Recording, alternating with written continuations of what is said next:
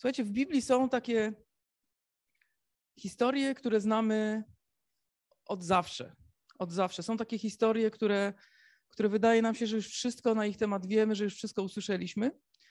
I tym wspanialsze są momenty, kiedy odkrywamy, że to, co wiemy, to, co usłyszeliśmy, to, co gdzieś w naszych sercach zostało zapisane, co pamiętamy, jest, to jest tylko taka powłoka. Że jeżeli troszeczkę tą powłokę zadrapiemy, to tam dalej, niżej jest niesamowita głębia i, i na, te, na te same historie czasem mamy taką okazję spojrzeć trochę z innej perspektywy i, i, i odkryć je na nowo. I dla mnie osobiście zawsze takie odkrycie takie, jest takie odświeżające i to jest naprawdę piękne, piękne przeżycie. E, ostatnio doświadczyłem takiego przeżycia. E, kilkukrotnie już doświadczyłem i tym bym się chciał podzielić. E, pierwszy taki epizod związany z tą historią, którą, o której dzisiaj będziemy mówić, to było mniej więcej 4 albo 5 lat temu, 4 Maciek pokazuje, tak? 4 lata temu z Pieronkiewiczami, z moją żoną byliśmy w pierwszym zborze i tam gościnnie kazanie głosił pastor Zbigniew Niemasik z Gdyni. I mówił o synu marnotrawnym. No i tak sobie pomyślałem wtedy, okej, okay, no, no czegoż, cóż nowego mi pastorze Zbigniewie powiesz o tym synu marnotrawnym, przecież ja już wiem wszystko. I wyszedłem stamtąd naprawdę dotknięty. Pamiętam to do dziś. Pamiętam to do dziś. Nawet kilka miesięcy później Maciek wysłał mi to kazanie raz jeszcze, gdzieś znalazł i wysłał raz jeszcze. Może nawet kilka lat później to mogło być, czas leci. E, drugim razem w tym roku, kilka miesięcy temu, e, słuchałem kazania pastora Johna MacArthur'a z Kalifornii. No i też zaczął mówić o synu marnotrawnym i sobie myślę, no, no okej, okay, no ale już po tym, po, po tym kazaniu nie ma sika, to już chyba wiem wszystko. Ale wysłuchałem i byłem naprawdę dotknięty tym, co usłyszałem. I dwa tygodnie temu po młodzieżówce, no tam wyszła, z rozmowy wyszła właśnie o, tych, o, tych, o, tej, o tej przypowieści i chciałem to kazanie wysłać, te kazania dwa chciałem wysłać Wojtkowi Słomianowi. No ale zanim je wysłałem, no to odświeżyłem sobie, posłuchałem, czy tam na pewno wszystko jest w porządku w tych kazaniach. E, I słuchajcie, kiedy słuchałem tych kazań, byłem tak dotknięty ponownie, że wiedziałem już, że kiedy stanę tutaj dziś, to będę chciał podzielić się tym, co usłyszałem. Będę chciał podzielić się tymi skarbami, które Bóg ukrył tam w, tych, w, tych, w tej przypowieści dla nas. Myślałem o tym, że wspaniale byłoby, żeby każdy z nas usłyszał tę historię raz jeszcze i, i spojrzał na nią jeszcze raz takim świeżym spojrzeniem. Pomyślałem o tych, którzy nie znają Pana Boga, którzy są gdzieś tam w świecie, którzy odeszli, oddalili się. Pomyślałem o moim tacie, wiecie, pomyślałem, jak cudownie byłoby, gdyby on mógł usłyszeć, że bez względu na to, co zrobił, gdzie w tym momencie jest, że jego ojciec czeka, jego ojciec wygląda i czeka na moment, w którym, w którym będzie, zobaczy go na horyzoncie, jak wraca i będzie mógł wybiec do niego. Nie po to, żeby czynić mu wyrzuty, nie po to, żeby, żeby, żeby, żeby robić mu jakieś, jakieś wypominki, ale po to, żeby rzucić mu się na szyję i okazać mu swoją łaskę i miłość. Więc otwórzmy nasze Biblię na Ewangelii Łukasza na 15 rozdziale.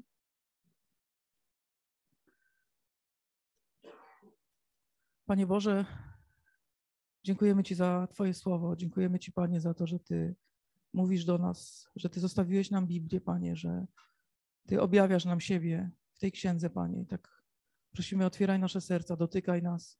Mów do nas, Panie, teraz. Oddajemy się Tobie i powierzamy się Tobie, Duchu Święty. Ogarnij nas i i przemieniaj nas, abyśmy stawali się podobni, przemieniali się na obraz i podobieństwo naszego Pana, naszego Zbawcy, Jezusa Chrystusa. Amen. Nie zawiodę Cię, Piotrek. Zanim zaczniemy tekst, wejdziemy w tekst, to kilka słów kontekstu. E, najpierw taka informacja kulturowa, e, która w, tym, w tej przypowieści ma ogromne znaczenie. Mm, w, tamtej, w tamtych społecznościach bardzo ważne dla tych ludzi była e, taka, taki honor, e, ale powiązany bezpośrednio z wizerunkiem. Oni, ci ludzie bardzo dbali o to, aby, aby dbali bardzo o swój wizerunek, o to, jak ludzie będą na nich patrzeć. I to, to, to, było, to, to było powiązane właśnie bezpośrednio z ich honorem, z ich godnością. I w tamtej kulturze jest to do dziś, i takim absolutnie przerysowanym negatywnym przypadkiem takiego podejścia jest funkcjonujący na Bliskim Wschodzie w niektórych społecznościach, w wielu krajach tak naprawdę, taka instytucja morderstwa honorowego. To jest niezgodne oczywiście z prawem cywilnym, z prawem państwowym, ale, ale jest dopuszczalne przez społeczeństwa. Otóż kiedy jakaś, jakiś członek rodziny zrobi coś, co przyniesie hańbę tej rodzinie, co zniszczy ich honor, to pozostali członkowie rodziny mają prawo, a nawet obowiązek pozbawić taką osobę życia. To jest straszne, że, że chęć ochrony honoru rodziny jest większa niż miłość brata do siostry, niż miłość rodziców do dzieci. Ale tak to jest i chciałbym, żebyśmy wiedzieli, że tak właśnie w tej, to, to ma ogromne znaczenie w tej przypowieści. Oni tak, oni dbali o swój honor, oni dbali o swój wizerunek, w szczególny sposób dbali o swój honor i wizerunek faryzeusze e, i dla nich to było bardzo istotne. Znów widzimy to. Jeśli chodzi o sytuację, o kontekst historyczny, to, to jest już trzeci, ostatni rok służby Pana Jezusa. Pan Jezus już jest w drodze do Jerozolimy i za kilka tygodni będzie święto Paschy i za kilka tygodni zostanie pojmany i zamordowany. Póki co naucza. Tłumy się gromadzą. W 15 rozdziale, w pierwszym wersecie czytamy Garnęli się do niego wszyscy, celnicy i inni grzesznicy, aby go słuchać. Faryzeusze natomiast oraz znawcy prawa szemrali z tego powodu i mówili, ten człowiek przyjmuje grzeszników i jada z nimi. Znów, po pierwsze wiemy doskonale, że faryzeusze nie lubili Pana Jezusa. W znacznym stopniu wydaje mi się, że to też była kwestia ich godności i honoru, ponieważ oni spodziewali się, że Pan Jezus, jak każdy nauczyciel, jak każdy rabin, powinien w jakiś sposób zabiegać o ich względy.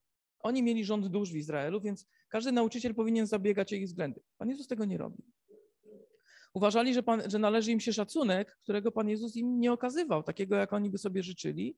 Wręcz przeciwnie, Pan Jezus punktował i od, obnażał ich hipokryzję, ich dwulicowość, ich powierzchowność. Więc nie lubili go. Nie podobało im się, że tłumy gromadzą się wokół Pana Jezusa.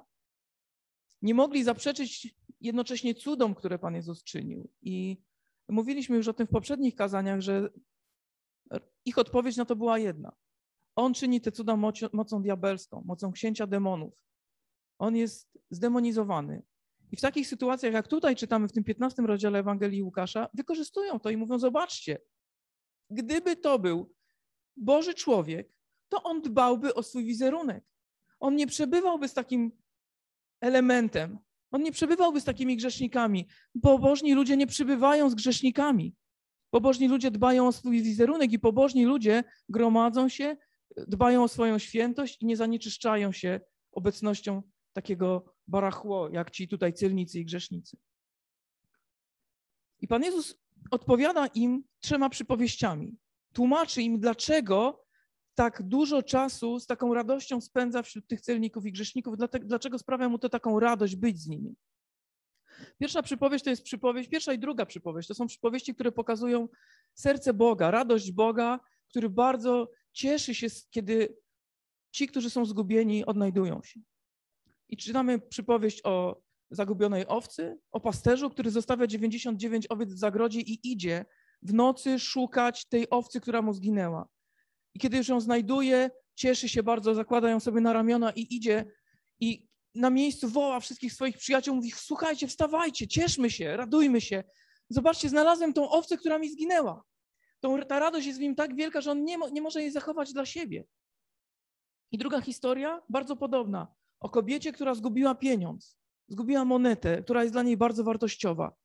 I szuka jej wszędzie, przetrząsa dom, wymiata wszystko, przewraca dom na lewą stronę i kiedy w końcu tą monetę znajduje, jej radość jest tak wielka, że woła wszystkie swoje koleżanki i mówi, dziewczyny, chodźcie. Znalazła się ta moneta, której szukałam, myślałam, że już jej nie ma, radujmy się razem, bo ona jest. I chce dzielić się tą radością. I to jest nastawienie Boga. Tak cieszy się Bóg, tak cieszy się całe niebo, wszyscy aniołowie, kiedy jedna zgubiona osoba nawraca się do Boga. I trzecia historia, która również porusza ten temat i również pokazuje, jak Bóg cieszy się z nawrócenia grzesznika, ale ta historia jest szersza.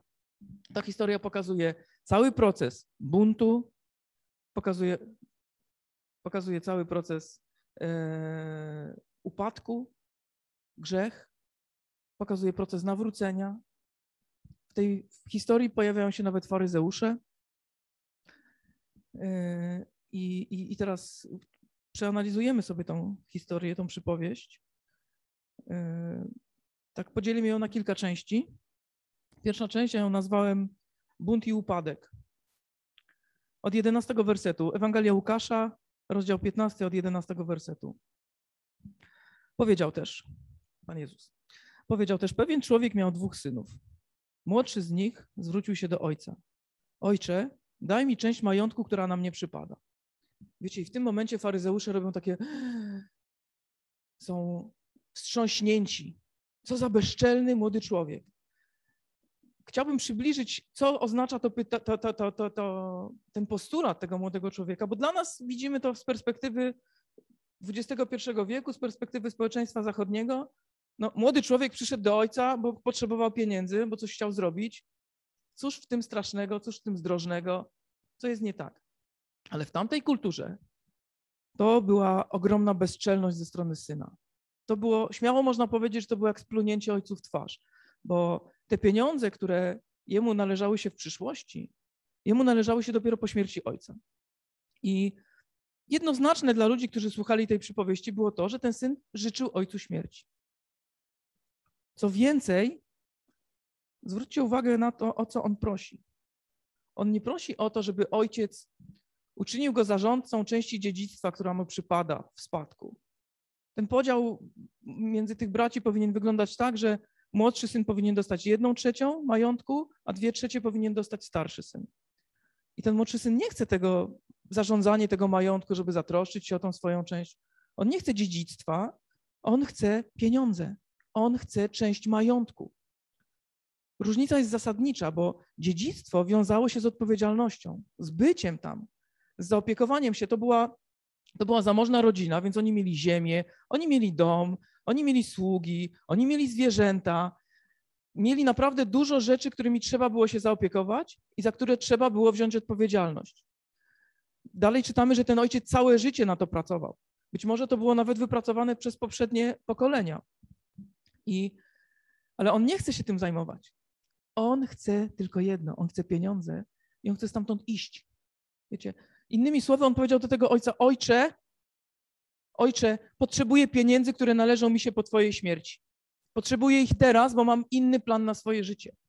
Nie chcę mieć z Tobą nic wspólnego. Mam dość ograniczeń, które tutaj są na mnie, ograniczeń tutaj kulturowych, wszelkich. Nie chcę tutaj być. Nie chcę być z moim bratem, nie chcę być z Tobą. Chcę te pieniądze. Mam swój plan, mam wizję swojego życia, chcę ją realizować. Jesteś przeszkodą na drodze. I faryzeusze są wstrząśnięci, słuchacze są wstrząśnięci tym, co słyszą, dlatego że żaden chłopiec w Izraelu nie przyszedłby do ojca z tak bezczelną prośbą. Po pierwsze, dlatego, że to było chamskie, po, po pierwsze, dlatego, że to było bezczelne i kulturowo to się nie mieściło w żadna rubryka, w żadnej. To, to, to było nie do pomyślenia, ale to było też nie do pomyślenia, bo taki syn musiał liczyć się z reakcją ojca. A ojciec powinien bronić swojego honoru i swojej godności. I oni spodziewali się jednego. Ten ojciec powinien na dzień dobry temu młodemu człowiekowi wymierzyć policzek. Powinien dostać w twarz tak, żeby jego głowa odwróciła się na drugą stronę. Na początek. Ojciec powinien mu pokazać, kto jest ojcem, a kto jest synem i jaka jest hierarchia w tym domu. Być może nawet powinien kazać go wychłostać i to było dopuszczalne społecznie w katalogu kar za takie przewinienie, za taką bezczelność, bo to naprawdę było coś strasznego. Mógł go nawet wydziedziczyć i wyrzucić z domu. Mógł to zrobić. A Pan Jezus mówi dalej. I ojciec, ojciec zatem podzielił między synów dorobek swego życia. Tak po prostu. To jest nie do wiary. To jest jeszcze większy wstrząs niż to, co ten człowiek, ten młody człowiek powiedział do ojca. Czy ten ojciec naprawdę nie ma rozumu, nie ma honoru, nie ma godności? Ktoś może powiedzieć, no kocha tego syna. No ale z drugiej strony, co to za miłość? To jest młody, pewnie nastoletni, może trochę starszy, na hormonach, nabuzowany, bezczelny człowiek, a ten ojciec mu po prostu daje pieniądze i mu funduje tą jego rebelię. O co tu chodzi? Ale to jeszcze nie koniec wstrząsu, bo krótko potem młodszy syn spieniężył wszystko i wyjechał daleko. Słuchajcie, krótko potem młodszy syn spieniężył wszystko. To była bogata rodzina. Tej ziemi do, do sprzedania było bardzo dużo. Wiecie, co on musiał zrobić, żeby sprzedać ją krótko potem? Musiał sprzedać ją za ułamek wartości. Jemu się spieszyło. Dodatkowo ktoś, kto zdał mu pieniądze i kupił to jego dziedzictwo, nie mógł na tą ziemię wejść, dopóki żył ojciec. Ktoś płacił pieniądze, kupował ziemię i nie mógł z niej korzystać, bo właścicielem cały czas był ojciec.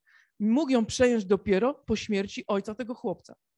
No więc, żeby sprzedać szybko, on naprawdę musiał zrobić doskonałą promocję i sprzedać to za ułamek wartości. I wiecie, dodatkowo on się tym nie przejmował w ogóle. On miał tylko jeden punkt widzenia. Szedł tylko w jednym kierunku, po trupach do celu, jak to się mówi. Nie zwracał uwagi na to i nie zważał na to, że przynosi wstyd ojcu przed wszystkimi sąsiadami. O ile ta pierwsza jego bezczelność to było, to było, tak jak mówiłem, splunięcie ojcu w twarz, ale to było w cztery oczy, to było wewnątrz rodziny to, co się zdarzyło. Być może niewiele osób o tym wiedziało, ale to już była sprawa publiczna. Wszyscy sąsiedzi, wszyscy ludzie dookoła wiedzieli, że ten młodszy syn sprzedaje ziemię ojca, sprzedaje ją za ułamek wartości. Wszyscy wiedzieli, jaki szacunek ma do pracy ojca, bo to było całe jego życie. Jaki szacunek ma do swojego brata, do swojej rodziny, do tradycji, w której się został wychowany, jaki szacunek ma do swojej wioski i do wszystkich ludzi, którzy mieszkają wokół niego. Ale on na to nie zważał, że ojciec jest zhańbiony. On miał tylko jeden punkt widział.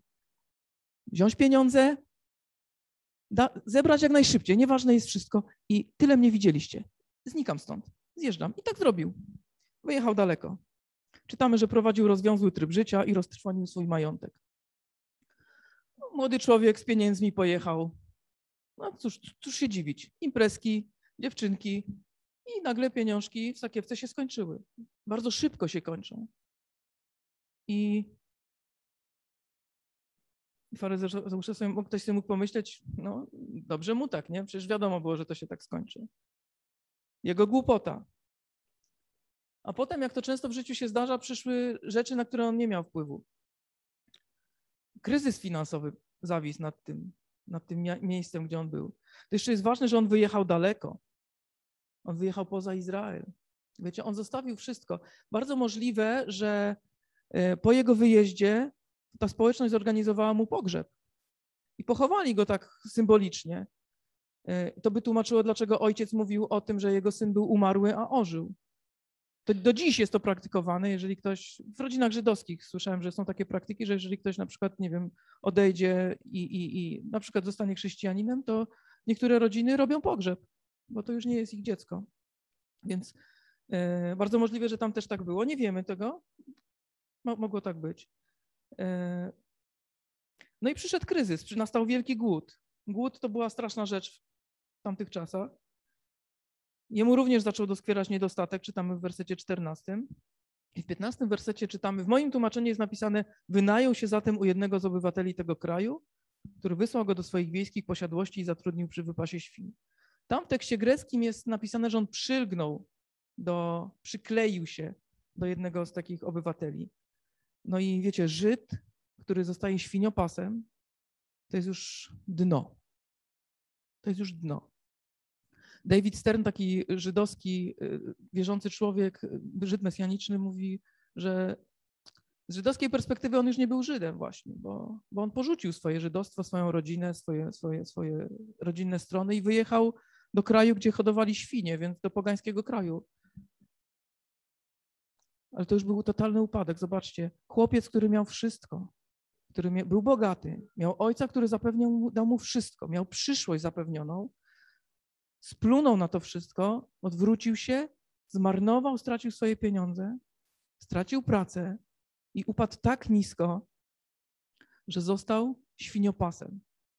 Nieczyste, brudne, śmierdzące świnie, których Żyd się nawet nie dotykał. I Pan Jezus pokazuje, jak nisko można upaść w grzechu. I faryzeusze sobie myślą, już niżej upaść nie można. Ale Pan Jezus pokazuje, że można. Bo zobaczcie, co tu jest dalej napisane. Pracując tam, pragnął najeść się strąków, którymi tuczono świnie, lecz nikt mu nie pozwalał. On mimo, że niby miał pracę, ale wciąż był głodny. Co za tą, pieniądze, za, za tą pracę nie dostawał pieniędzy, nie dostawał jedzenia?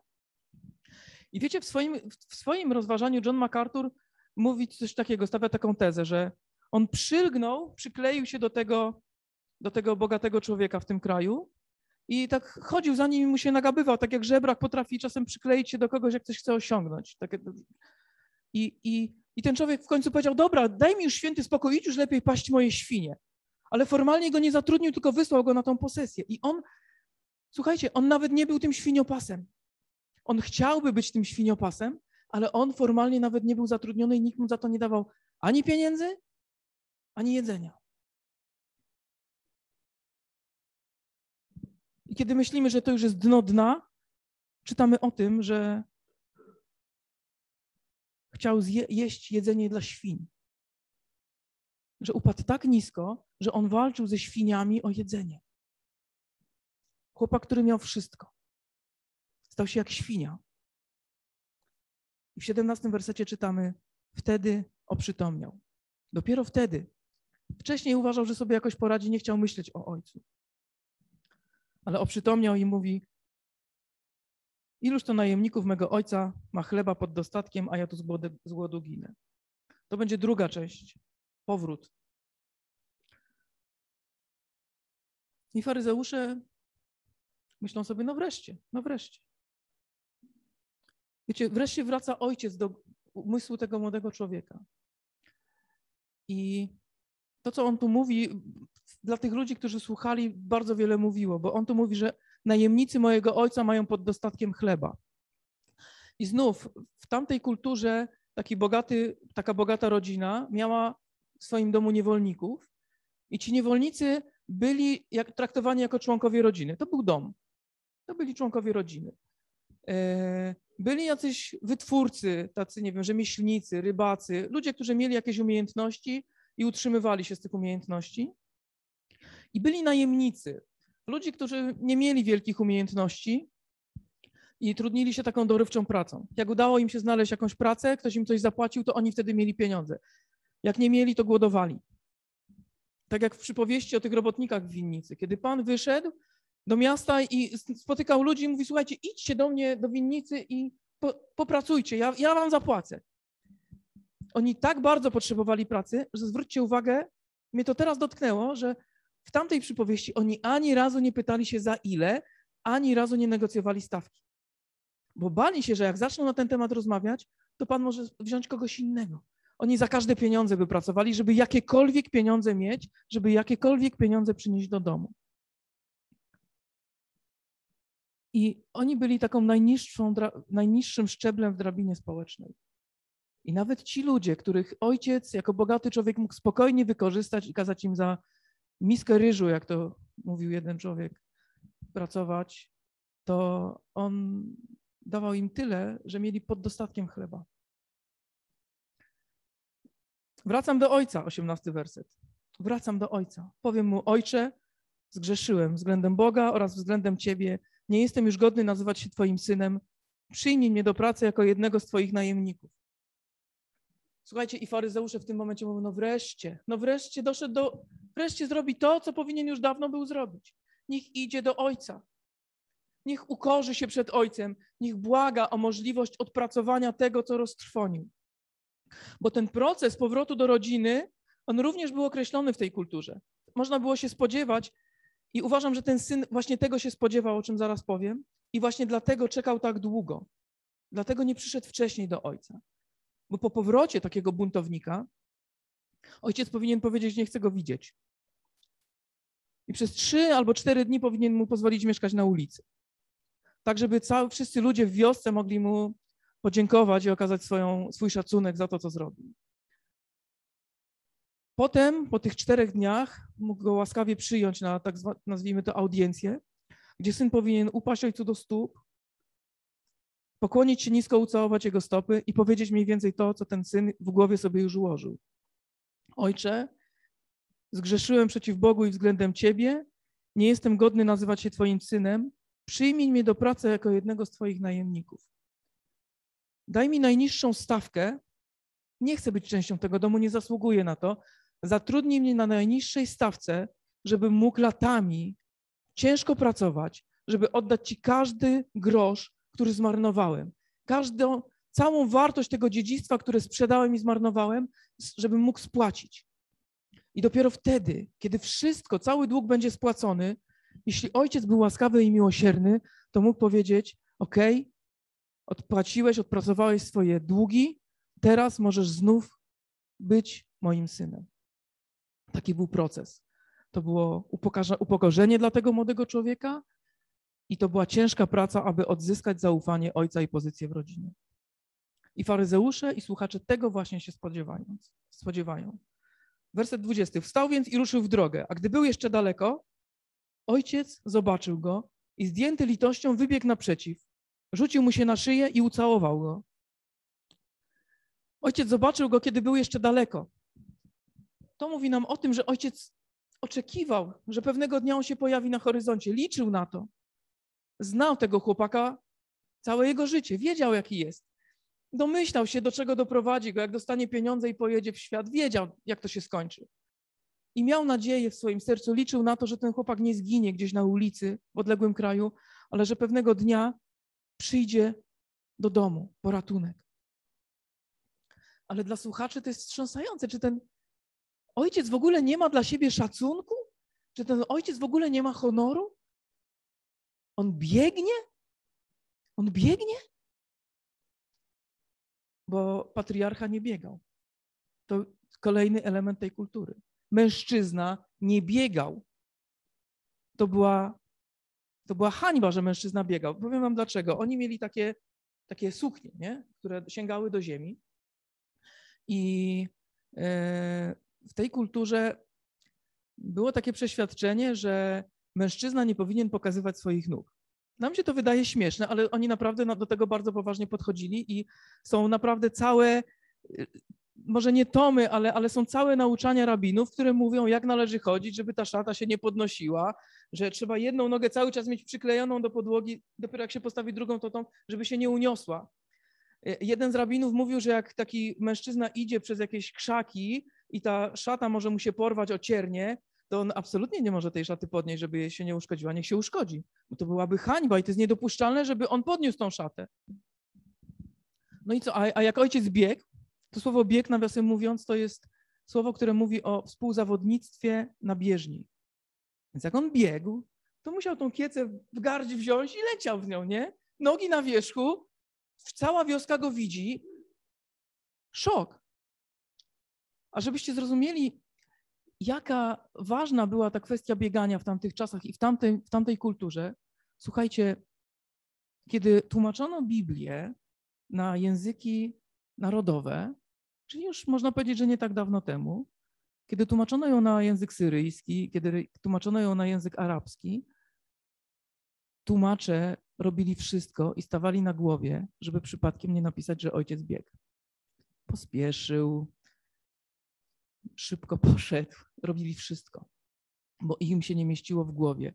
Wiedzieli, że to jest Bóg, że ojciec symbolizuje Boga. biegnący Bóg to jest dyshonor, to jest brak szacunku dla Boga, żeby napisać, że Bóg biegł. I naprawdę kombinowali dopiero w XIX wieku, e, e, w Biblii tłumaczonej na język arabski, e, napisano, że ojciec biegł, ale są, zachowały się również prace tych tłumaczy i wyjściowo nie chcieli tego dopuścić, tej wersji. Dopiero w ostatecznej wersji rzeczywiście napisali, że ojciec pobiegł. Więc to jest hańba dla ojca. To jest ogrom, ogromna hańba, ogromny, ogromny dyshonor. I wiecie, dlaczego ojciec tak pędził? Dlaczego nie poszedł na spotkanie z synem, tylko podciągnął kieckę i zaczął biec? Bo on chciał za wszelką cenę dostać się do syna i stanąć przy nim, zanim syn dojdzie do bramy miasta. Bo kiedy ten syn przyszedłby do bramy miasta, musiałby przyjąć całą tą hańbę za swoje postępowanie i, musiał, i musiałby się zmierzyć z całą tą społecznością.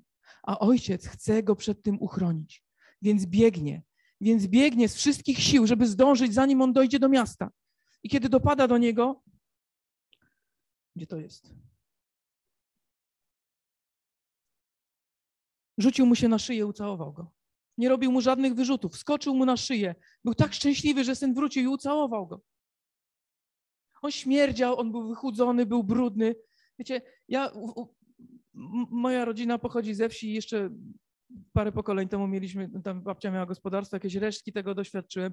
Najgorszy smród na wsi to dla mnie jest chleb. No ja, ja mogę, nie wiem, te krowy, to wszystko mi nie przeszkadza, ale świnie, one tak cuchną, że to się po prostu w głowie nie mieści. I ten syn tak cuchnął, a ojciec na to nie zwracał uwagi. Ucałował go.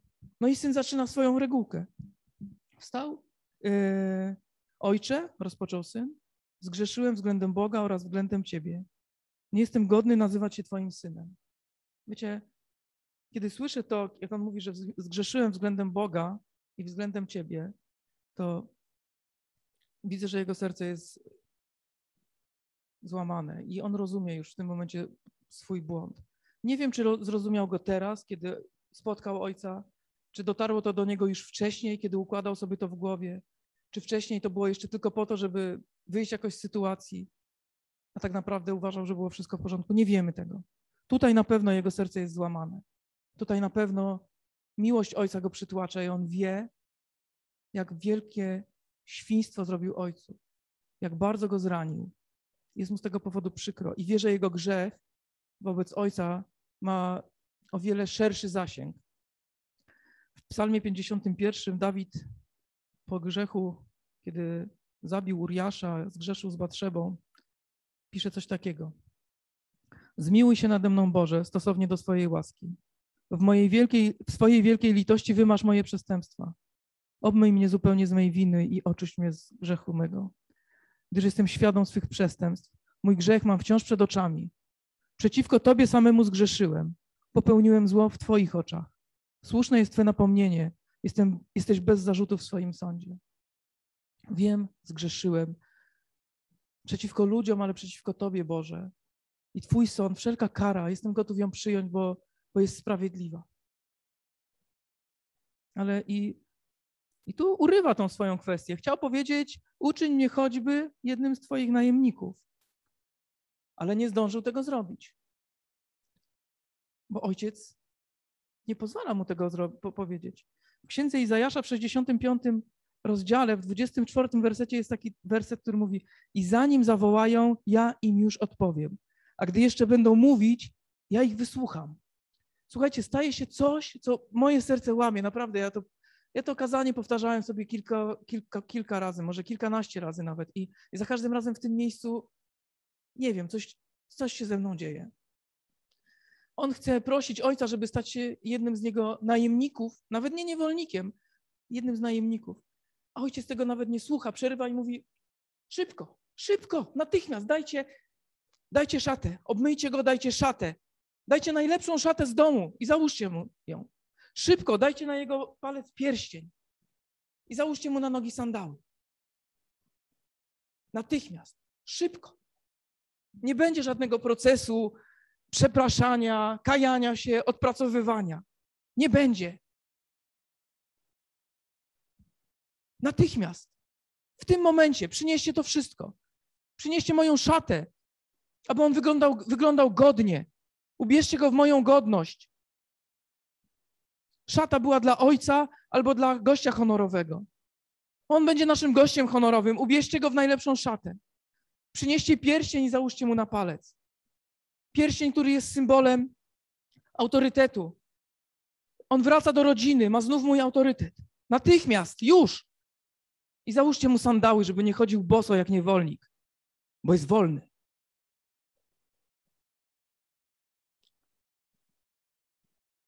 I ubijcie szybko tuczne ciele i przygotujcie ucztę, bo mój syn, który był martwy, żyje. Ten, który zginął, odnalazł się. Cieszmy się wszyscy i radujmy się. Wiecie, co to jest? To jest łaska. To jest Boża łaska. To całe odpracowywanie, o którym mówiliśmy wcześniej. Ukosz się przed Bogiem, przyjdź do Niego, pokaż Mu i udowodnij, że zachcesz zasłużyć na Jego, na Jego przychylność. Pokaż Mu, że się zmieniłeś i udowodnij Mu to. Tego oczekiwali faryzeusze i to jest religia. Tak działa każda fałszywa religia, która pokazuje Boga jako jakiegoś człowieka, który, który oczekuje, żeby się przed nim kajać, korzyć i, i, i że będzie się mścił i która wymaga od nas, żebyśmy żebyśmy po prostu przyszli i zapracowali sobie na Bożą przychylność. Bo my musimy coś Bogu dać i my musimy mu coś oddać, albo my musimy coś pokazać. To jest wszystko fałszywa religia. Ale nasz Bóg jest inny. Nasz Bóg, kiedy przychodzimy skruszeni, mówi szybko, natychmiast. Kiedy przychodzi grzesznik, natychmiast. Przemienia go. I zaczyna się uczta natychmiast. I przechodzimy do trzeciej części, którą nazwę bunt. Znów bunt. Na początku był bunt i teraz jest znów bunt. Teraz pojawiają się faryzeusze w tej, w tej opowieści. Werset 25. Starszy syn tymczasem pracował na polu. No, dobry chłopak. Wszyscy balują, on ciężko pracuje. Każdy by chciał mieć takie dziecko. Gdy wracał i był blisko domu, słyszał muzykę i odgłosy tańców. Przywołał więc jednego z młodych służących i zapytał, co się dzieje. Wrócił twój brat, usłyszał. Twój ojciec kazał zabić dorodne ciele i cieszy się, że odzyskał go zdrowego. Starszy syn wpadł w gniew. Nawet nie chciał wejść do domu. Wtedy ojciec wyszedł i zaczął go uspokajać. Ale on był nieprzejednany. Służę ci od lat, wypomniał. Szanuję każdy twój rozkaz, a ty nigdy nie dałeś mi choćby koźlątka, bym się zabawił z przyjaciółmi. Ledwie jednak zjawił się ten twój syn, który z dziwkami roztrwonił twój dorobek, natychmiast kazałeś zabić dorodnego cielaka. Wiecie, faryzeusze rozumieją rozgoryczenie tego człowieka, ale są równie wstrząśnięci jak na początku tej historii. Bo to, co ten robi, robi ten syn w tym momencie, jest bezczelne. Jest bezczelne. O, ci dwaj synowie niewiele różnią się od siebie, tak naprawdę, jeśli chodzi o ich stosunek do ojca. Bo on w tym momencie, tak samo jak tamten młody, sprzedając wszystkie, wszystko, wszystkie posiadłości, on tak samo jak ten młody człowiek naraża ojca teraz na publiczną zniewagę. Bo gospodarz z uczty nie wychodził w trakcie uczty. To była hańba dla gospodarza, że on wyszedł i zostawił swoich gości. Ale ojciec, tak samo jak nie zważał na to, kiedy biegł, że ludzie mówią, że hańba, hańba, tak samo teraz nie zważa, że ci goście mówią, co za hańba, jak on się zachowuje, co za bezczelny typ, za wstyd. Bo on tak samo kocha jednego i drugiego syna i wychodzi do tego drugiego syna, mimo że nie powinien. I wiecie, co, co powinien zrobić, kiedy ten syn tak bezczelnie do niego powiedział te słowa? Powinien dać mu wpysk. Tak samo jak temu młodemu powinien dać na początku. Powinien dać mu wpysk i zastosować ten sam katalog kar i pokazać temu człowiekowi, kto jest ojcem, a kto jest synem w tym domu. On mu tłumaczy. On mu tłumaczy. Faryzeusze pukają się w głowę. Jak oni siedzieli na czymkolwiek, to pospadali z krzesła. To jest nie do wiary. To jest nie do wiary, co ten ojciec wyprawia. I ojciec mówi: Dziecko, ty zawsze jesteś ze mną i wszystko moje jest twoje. Ty zawsze, ty, ty w ogóle nie rozumiesz naszej relacji, ty nie rozumiesz mojej miłości. Wiecie, jeszcze jedna rzecz, którą chciałem dodać do tego.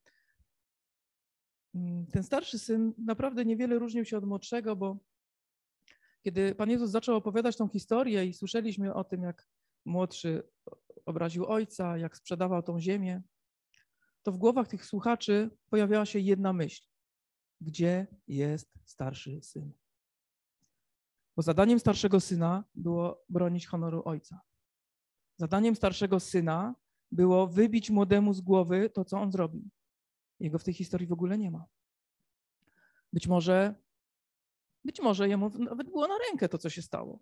No bo tak, młody wziął na siebie wszystkie konsekwencje, ojciec wydzielił mu jedną trzecią, no to mnie zostało dwie trzecie, nie? Ja jestem ten dobry, a swoje mam. Teraz, kiedy wrócił ten syn i został usynowiony, no to trzeba się będzie znowu dzielić tym, no bo to formalnie było wciąż ojca, tak? Więc mu się to nie podoba, jest zdenerwowany. Ale nie było go. Nie było go w momencie, kiedy ojciec powiedział, zabijcie tuczne ciele. Wiecie, kto powinien taką nadzorować przygotowanie takiej uroczystości, zabicie tego cielaka i, i całą tą ucztę? Starszy syn. Ale jego nie ma. On załatwia swoje sprawy, zajmuje się swoim polem, które wydaje mu się, że jest jego. On widzi też tylko swoje. Jego nie interesuje to, że ojciec się cieszy, że ojciec tęskni, że ojciec się martwi. Jego to nie obchodzi, on ma swoje. On ma swoje pole, które odziedziczy po śmierci ojca.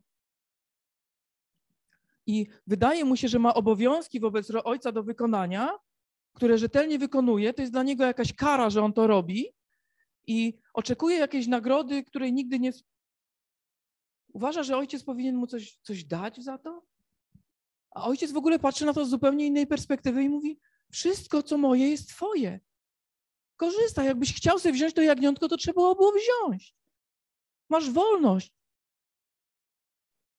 Ale patrz na to z mojej perspektywy. Kocham Ciebie tak samo, jak kocham Twojego brata. Ty zawsze jesteś ze mną, wszystko moje jest Twoje. Ale teraz zobacz, on wrócił. Myśleliśmy, że nie żyje. Nie było go, a on jest. Powinniśmy wrócić i się cieszyć. Zrozum to, starszy synu. I tu historia się urywa. Urywa się dlatego, że znajduje się, znajdujemy się, dochodzimy dokładnie do momentu, w którym historycznie, w którym tą, tą opowieść Pan Jezus opowiadał. Dokładnie w tym momencie ojciec tłumaczy starszemu synowi, dlaczego ucztuje z tymi celnikami, z tymi grzesznikami, z tymi wszystkimi degeneratami i dlaczego spędza z nimi czas. A ten starszy brat tego nie rozumie i mu to tłumaczy. I, i, i ta historia tu się urywa. Nie ma jej zakończenia. Pan Jezus jej nie kończy. Wybacz, Dave, teraz powiem coś, czego nie ma w Biblii. Ta historia mogła się skończyć następująco. Wszyscy chcielibyśmy takie zakończenie. I starszy syn upadł ojcu do stóp, przeprosił go i powiedział: Ojcze, wybacz mi, nie rozumiałem. Nie rozumiałem Twojego podejścia, nie kochałem Cię.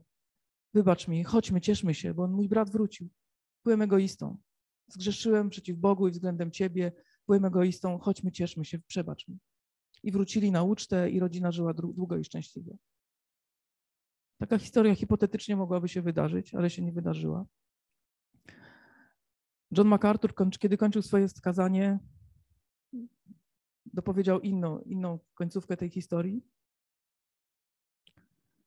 e, która ta, ta, historia tak się właśnie skończyła i mną osobiście to wstrząsnęło, więc swoimi słowami zacytuję, co to usłyszałem tam. Starszy syn wpadł w gniew. Wziął kij, uderzył kijem ojca w głowę i powiedział: Tak, w naszej rodzinie nie postępujemy. To nie są zasady, które tu stosujemy. Jesteś hańbą. I tłukł tego ojca, aż go zabił.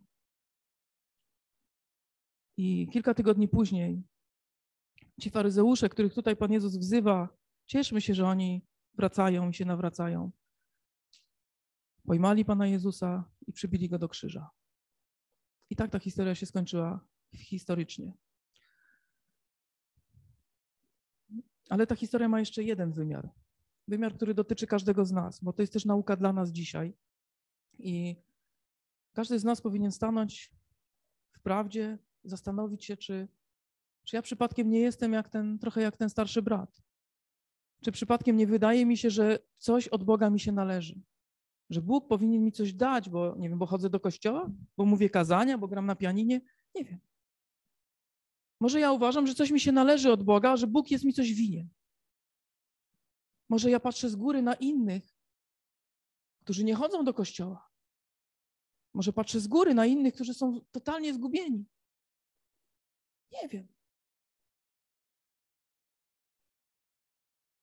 Może patrzę z góry na tych, którzy prowadzą rozwiązły tryb życia. Może patrzę z góry na grzeszników. Może ich nie kocham. Nie patrzę na nich oczami Ojca, który, którego serce płacze, że ci ludzie są tak daleko od Niego i które te, którego serce tęskni. Jego oczy wypatrują, żeby pojawili się kiedyś na horyzoncie.